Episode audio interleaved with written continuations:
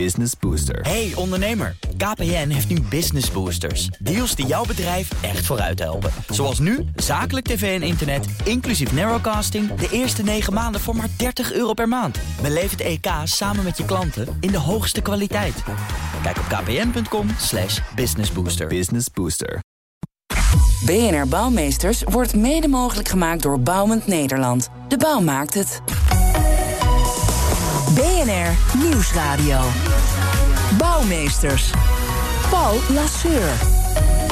Duurzaamheid wint bij publieke aanbesteding aan terreinen. Toch ligt het tempo nog te laag om in 2050 aan alle duurzaamheidsdoelen te voldoen. Dat blijkt uit de top 25 meest duurzame publieke opdrachtgevers van Bouwen Nederland. Bij de bouw van infrastructuur en gebouwen is prijs vaak nog de doorslaggevende factor. Ik ga erover praten met Lisbeth van Tongeren. Zij is wethouder duurzaamheid, milieu en energietransitie bij de gemeente Den Haag. En Suze Geum, zij is directeur van de Groene Grachten. Welkom allebei, fijn dat jullie er zijn. Uh, ik begin bij jou, uh, Lisbeth. Uh, als ik Lisbeth mag zeggen, ik denk het wel. Zeker. ja, de gemeente Den Haag is behoorlijk gestegen in de lijst. Van de vijftiende naar de zesde plek. Nou, dat, dat klinkt heel goed. zijn jullie daar tevreden over? Nou, we zijn er wel heel erg blij mee. Hè? Als je een team uh, duurzaamheid hebt, je wil eigenlijk altijd voor 100% gaan. Nou, ik las in dat rapport ook dat bij 65% van de aanbestedingen duurzaamheid nog helemaal geen enkele rol speelt. En als je dan ziet dat we in een redelijk korte tijd in Den Haag toch verandering voor elkaar gekregen hebben, ben ik daar wel uh, heel blij mee. Maar ja, hè, er is nog een heel eind te gaan, dat zei je ook in de intro. Dus daar werken we ook heel hard aan. Ja, waar hebben jullie er een uh, schepje bovenop gedaan? Wat doen jullie anders ten opzichte van uh, vorig jaar? Bij twee concrete voorbeelden. We hebben, uh, ik ben ook wethouder afval. En dat moet opgehaald worden, ergens naartoe gebracht worden. En mensen kunnen ook zeker in coronatijd, hè, iedereen ruimt schuren op en er komen spullen uit. Daar hebben we een afvalbrengstation. Nou, daar hebben we van gezegd van wij willen hè, dat dingen hergebruikt worden, willen we juist met de, de, spullen die mensen brengen. Dan moet dat gebouw dat ook uitstralen. Mm -hmm. Dus voor dat gebouw is uh, hergebruikte stalen constructies die van een ander pand kwamen. Er is uiteraard, er liggen zonnepanelen bovenop. En ik kijk hier nu naar foto, maar dat he, strookjes groen en dan die zonnepanelen op die daken. En dat zijn van die daken die echt in zo'n V-vorm, zoals zo'n oud um, industrieel gebouw op hun dak had. Dus heel mooi geïntegreerd, maar ook hergebruikt. En ja, daar uh, in het aanleggen van die panden zitten meer kosten. Jij zei in de intro, het is duurder, maar het is hetzelfde als met een elektrische auto. In de aanschaf is hij mm -hmm. misschien duurder, maar een elektrische auto heeft nauwelijks onderhoud en veel lagere brandstofkosten. Ja. En het heeft ook, het heeft ook meer waarde, ook. natuurlijk. dus in die zin het heeft op het, allerlei vlakken meer waarde. Ja, ja, het heeft een symboolwaarde. Het is een, ook voor de bouw om te laten zien en de architecten een showcase voor de stad om te laten zien: wij willen dit, dit is de toekomst. Maar het energieverbruik in zo'n pand is natuurlijk, hè, het gebeurt echt goed, dat is een stuk lager. Ja. Dus de kosten zitten in de aanschaf, maar het gebruik wordt vaak lager. Ja, uh, Suze, uh, het kwam al een paar keer te sprake. In, in slechts iets meer dan een derde van de publieke aanbestedingen speelde duurzaamheid een, een, een rol. En dan nog niet eens altijd een, een, een, hoofdrol. Het is maar een klein beetje meer ook dan vorig jaar.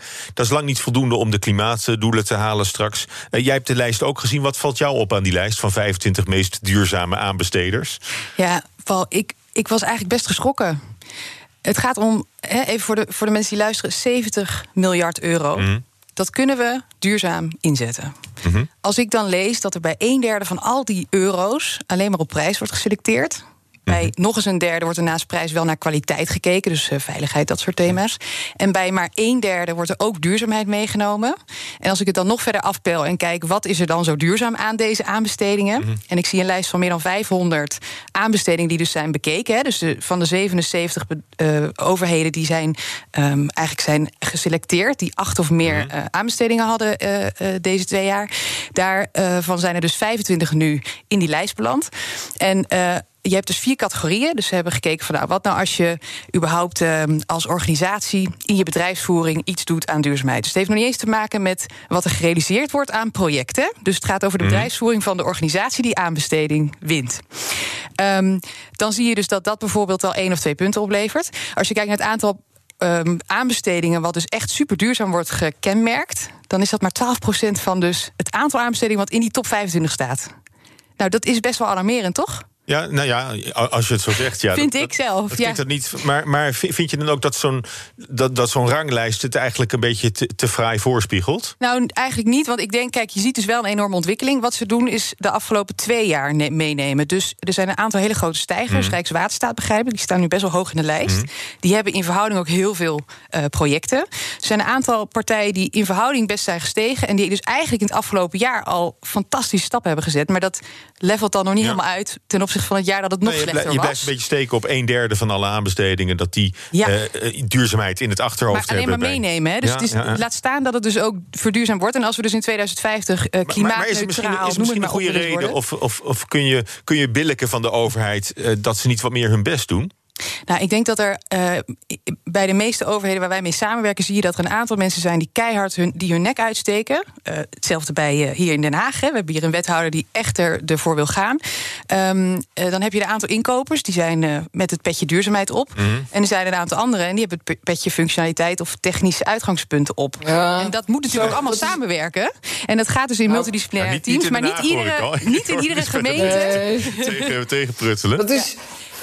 Ja, ik eh, wil heel graag een keer een kennismaking eh, organiseren hoe we dat eh, geregeld hebben. Maar dat is iets anders dan een paar mensen met een petje dit en een petje dat. Nou, maar wat En ik dus er probeer te zeggen, er zijn, precies, er zijn dus gemeentes Ja, waarbij, maar- waarbij je dus al die verschillende disciplines al heel goed bij elkaar hebt. En er zijn gemeentes waarbij dat echt nog zoeken is. En ehm, dat samenbrengen, dat hoorde ik ook. Hè. Dit jaar is samenwerking is, is hoger, is meer gestegen. Dus 10% is goed bezig met samenwerken. Ehm, alleen maar op die manier kun je met elkaar ook echt impact gaan maken. Ja. Maar uh, Lisbeth, hoe, hoe zwaar weegt duur- duurzaamheid dan mee in jullie aanbestedingen? Nou, er gaat bij ons een, eh, een miljard euro om in aanbesteding. En jullie zullen allemaal in de krant gelezen hebben, zeker met eh, de coronacrisis, hoe zwaar de gemeentefinanciën het hebben. En toch hebben wij in ons aanbestedingsbeleid, hè, dat gaat via tenderboards. Er zit dus een dubbele check op. Eh, Inkopers gaan vaak van ja, wat kocht ik vroeger in? We hebben daar tenderboards waar alle grotere opdrachten nog een keer door een integraal team bekeken worden. En dan krijg je dingen als. He, de, de, de Suze zei dat net over. Ja, het bedrijf moet duurzaam zijn. Maar als een bouwbedrijf werkt met emissiearmere voertuigen, scheelt dat echt een enorme slok op een borrel. We hebben een betonakkoord, waardoor we kijken dat beton van dichterbij komt. Nou, dat lijkt voor de hand liggend en makkelijk. Maar voordat je geregeld hebt dat in die aanbesteding dat bedrijf dat duurzame beton van dichterbij gebruikt, heb je echt wat. Hè? En er wordt ook gedrukt op die bouwprojecten. Er is in Den Haag een enorme vraag naar woningen. Dus om dat overeind te houden. Nou, ik uh, doe mijn petje af voor de mensen die dat voor elkaar krijgen.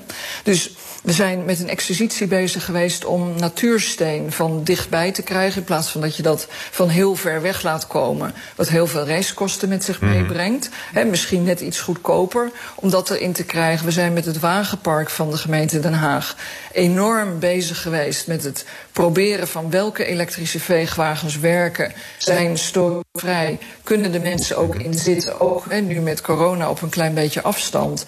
Dus het is makkelijker om het te zeggen dat het moet gebeuren. En dat doe ik met regelmaat. Maar ik heb ook de grootst mogelijke bewondering voor de mensen in Den Haag. Ja. die dit inderdaad voor elkaar krijgen. En dan klopt het. Hè, je begint bij nul. Je moet een hele grote mammoetanker de bocht doorkrijgen.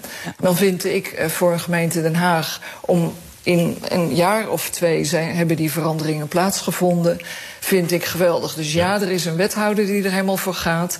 Maar er zijn ook bedrijven en er is een ambtelijk apparaat wat ook echt wil. Ja. Nou, die, dat- die, die hebben we bij ons in de uitzending, die wethouder, eh, begrijp Ja. ik nu. Maar eh, eh, van dat miljard, hè, wat er wordt aanbesteed, hoeveel daarvan eh, zou je zeggen is duurzaam aanbesteed? Bij alles wordt gekeken in de categorie of dat mogelijk is. Dus wij kijken zowel naar social return. Worden de mensen ingezet door het bedrijf met een afstand tot de arbeidsmarkt? Als op welke categorieën? Er is een hele indeling bij welke producten je waarnaar kijkt. Doe je een auto, kijk je naar total cost of ownership en uitstoot. Koop je brood, dan kijk je van hoeveel vervoerskilometers zit erin. Dus per ding wat ingekocht wordt, moet je eerst kijken wat is hier relevant. En bij alles wordt gekeken, zit hier een relevant duurzaamheidsaspect... en welke aanbieder kan dat goed leveren? Ja, maar goed, Suze, eh, jij, jij, helpt publieke opdrachtgevers ook met, met verduurzaming. Hè? Dat is uh, je, je raison d'être, zou, zou ik bijna zeggen. En dan is toch prijs voor veel gemeenten nog meestal van doorslaggevende betekenis. Um, ja, maar wat net wordt aangehaald oh. door, door Lisbeth, dat, dat total cost of ownership, dat betekent dus dat je andere tijdshorizon gaat, gaat mm bekijken. Dus je kan of nu denken transactioneel, ik koop iets en ik ben dat geld, uh, dat is eenmalig uitgeven. Of ik heb een andere investering en ik ga dat terugverdienen omdat bijvoorbeeld die vervoersbewegingen veel goedkoper worden over mhm. een langere periode. En dat is een hele andere manier van denken. En um, uh, dat vraagt er dus ook om dat je eigenlijk in die, um, in die uitvraag ook meer ruimte creëert uh, in dit geval is het een vrij, vrij makkelijke. Uh, hè, uh, dit kun je je mhm. voorstellen. Dat kost minder geld als ik die vervoersbewegingen ga, ga uitzetten. Maar er zijn nog heel veel thema's. Um, ik begreep dus bijvoorbeeld ook van de, van de samenstellers van de lijst dat circulariteit nog ver achterblijft ten opzichte van duurzaamheid. Dus bijvoorbeeld CO2-uitstoot ehm, bemeten, mm. zeg maar. En, en dat meenemen, dat, dat zit er meer in al. ook bij, bij circulaire verdienmodellen. Kijk, als jij niet de lift koopt, maar de liftbewegingen, daar zijn al voorbeelden van. Hè, ja, dat kun je je voorstellen. Niet, niet de lamp, maar het licht. Precies, exact. Uh, een jeans hoef je niet per se te kopen, kan je leasen. Dus er zijn andere vormen voor. Maar dat is natuurlijk wel, dat vergt ook om een mhm. andere uitvraag. Dus ga dat niet te um, technisch specifiek allemaal specificeren, maar zorg ervoor dat je het functioneler houdt. Zodat je ook de markt daarin de ruimte geeft om ook met mooie oplossingen te komen. Maar goed, bij projecten waar jij aan boord, waar jij aan boord bent gehaald als, als adviseur, hè, denk aan de, de, de Green Light District, dat is een van jullie initiatieven ook. Ja. Uh, daar, daar, zal het, daar zal het wel goed zijn. Maar hoeveel, hoeveel uh, onttrekt zich eigenlijk aan, jou, uh, aan jouw invloed? nou, dat is het meeste natuurlijk. Nou, ik, ik merk dus, uh, de gemeente Nijmegen staat bijvoorbeeld ook in de lijst. En uh, daar hebben we dit jaar, dus die gaan volgend jaar weer een mhm. stukje stijgen. Toevallig een tender gewonnen. En het gaat dan over 100 uh, woonhuizen verduurzamen. Nou, zij hebben ook, hè, ook een simpele manier waarop je als, als, als team ook kan zorgen dat je dat je, je uitvraag beter vormgeeft.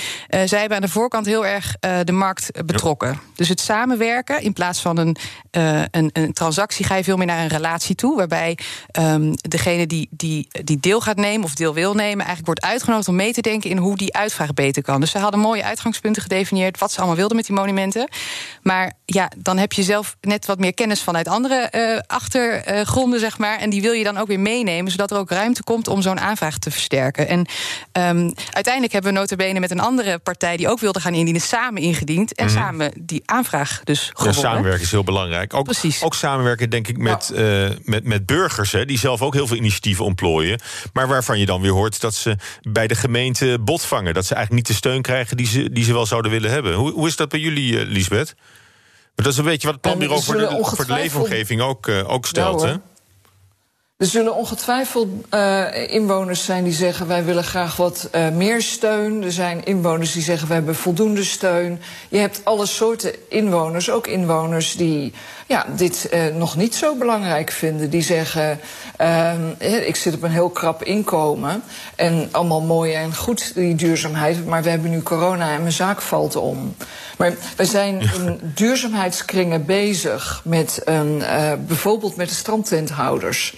Om te kijken hoe kan je daar nou uh, wat minder vervoersbewegingen. Mensen vragen ook om ja, meer biologisch eten op het strand. En je ziet dan dat onze strandtenten, die hebben van het zomer, de tien daarvan hebben een green key gekregen. Wat weer zo'n aanmoediging is van hey, je bent de goede weg op. Dus ik kijk vooral naar waar zit iemand en wat zou de volgende stap zijn ja. die hij of zij kan maken. En ik weet ook dat in het totaal er natuurlijk nog een heel te gaan is. En daarom is het fijn dat je nou ja, zo iemand als Suze hebt en uh, meerdere clubs die zeggen uh, de lat ligt hoog, je moet hoger springen. Ik ben ook van het aanmoedigen van iedereen die het eerste kleine stapje neemt. Helemaal mee eens. en daar praten we zo over verder, want... BNR Nieuwsradio. Bouwmeesters. Paul Lasseur. We gaan uh, zo meteen verder praten over vormen van samenwerken bij aanbestedingen. Maar nu gaan we eerst naar. BNR Bouwexpo. Redacteur Lotte Elbrink. Hoi Lotte. Hi Paul. We gaan het eh, hebben over een Barendrechts bedrijf... die de grootste tuinbouwkast ter wereld gaat bouwen... midden in de woestijn. Ja, dat klopt. In uh, Abu Dhabi gaat de Grow Group samen met een lokaal bedrijf... een kast ter grootte van ongeveer 35 uh, voetbalvelden bouwen. Het project heet Green Factory Emirates. En uh, telen, zaaien, oogsten van allerlei producten gebeurt daar straks onder één dak.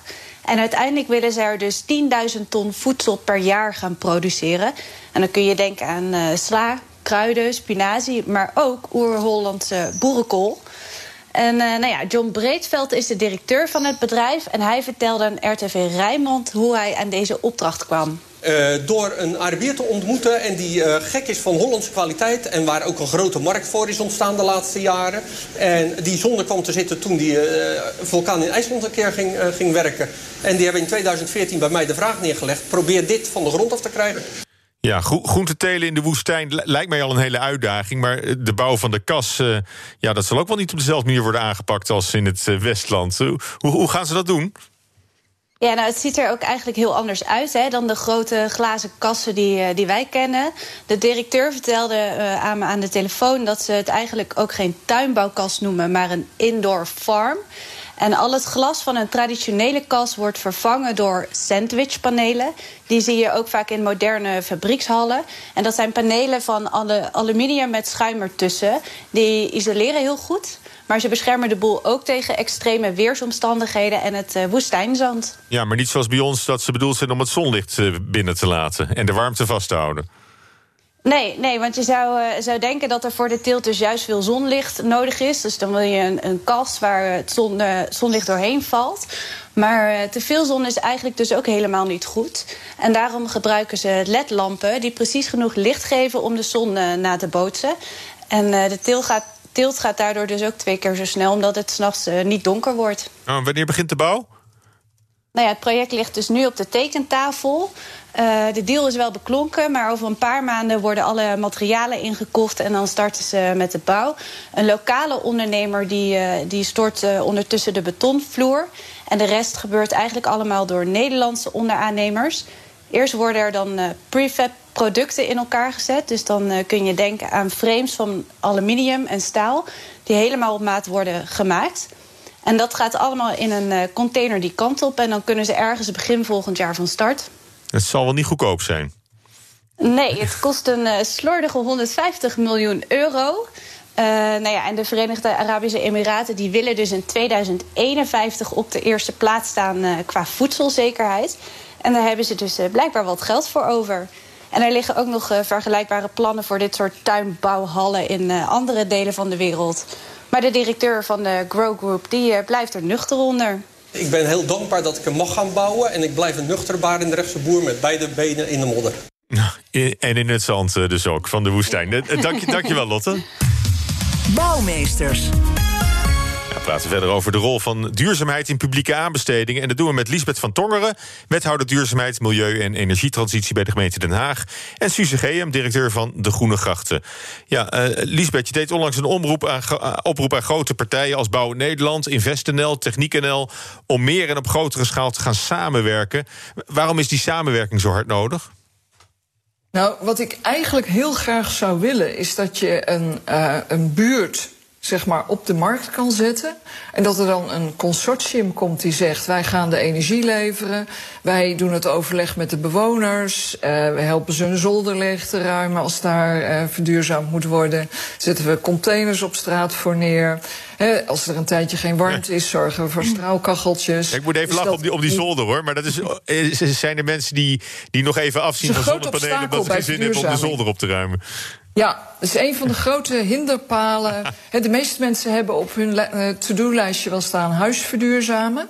Ja. Dat staat meestal op plek 6 of 7. En dan zijn er van dit soort praktische problemen. En je hebt nou ja, een ouder stel in een groot huis, die hele zolder staat vol. Als je nu op straat twee grote containers neerzet, één van de kringloop en één van een opslagbedrijf. En er komen wat uh, mensen van het studentenverhuisbedrijf die die boel in die containers zetten dan willen mensen zo hun zolder geïsoleerd hebben. Moeten ze dat zelf doen? Dan is dat zo'n grote klus dat dat gewoon niet gebeurt. Dus wij zijn ook met een straataanpak bezig. Dat de hele straat een aanbod krijgt. En dan zie je dat de buren van, nou ja, oké, ja, nou, het gaat dan toch gebeuren. Nou, dan doen wij ook maar mee.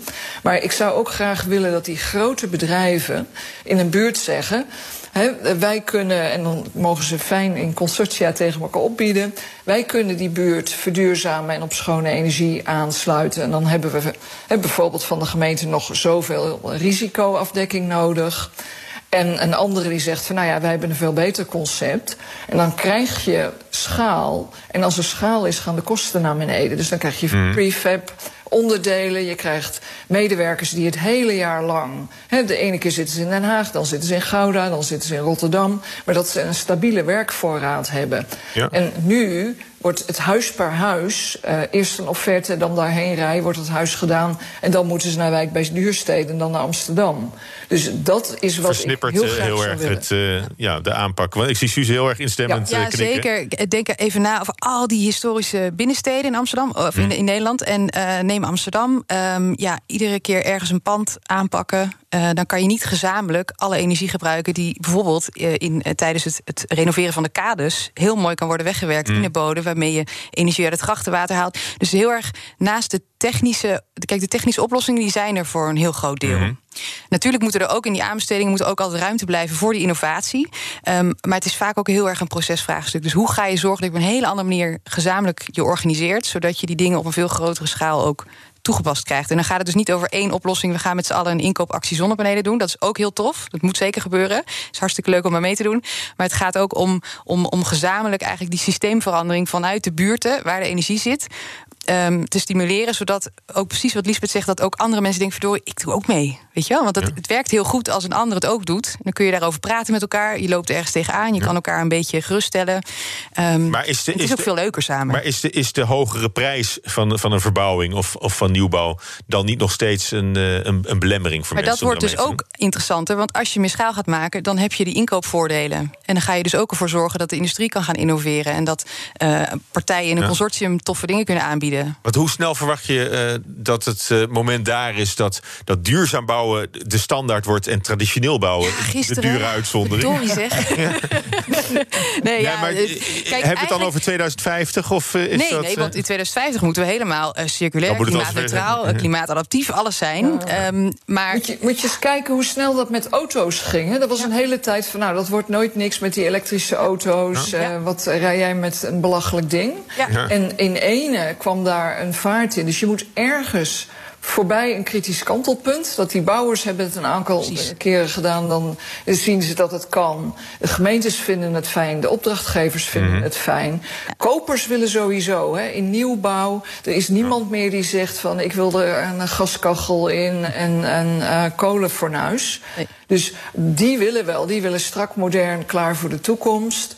Maar uh, ja, er moet. Uh, en ik weet niet wanneer die komt. Ik verwacht dat kantelpunt in de komende vijf jaar dat de bouw doorheeft. Oké, okay, dit is uh, nu en dit is waar hmm. we nu geld kunnen verdienen. Ja. Kijk, wij begonnen acht jaar geleden met het verduurzamen van de moeilijkste panden. Met het idee, als het daar kan, dan kan het overal. Dan ben ik nu heel blij. Hè? Acht jaar verder, we doen niet meer aan in grachtenpanden, maar uh, hele paleizen, gebieden, uh, forten, uh, stolboerderij, noem het maar op.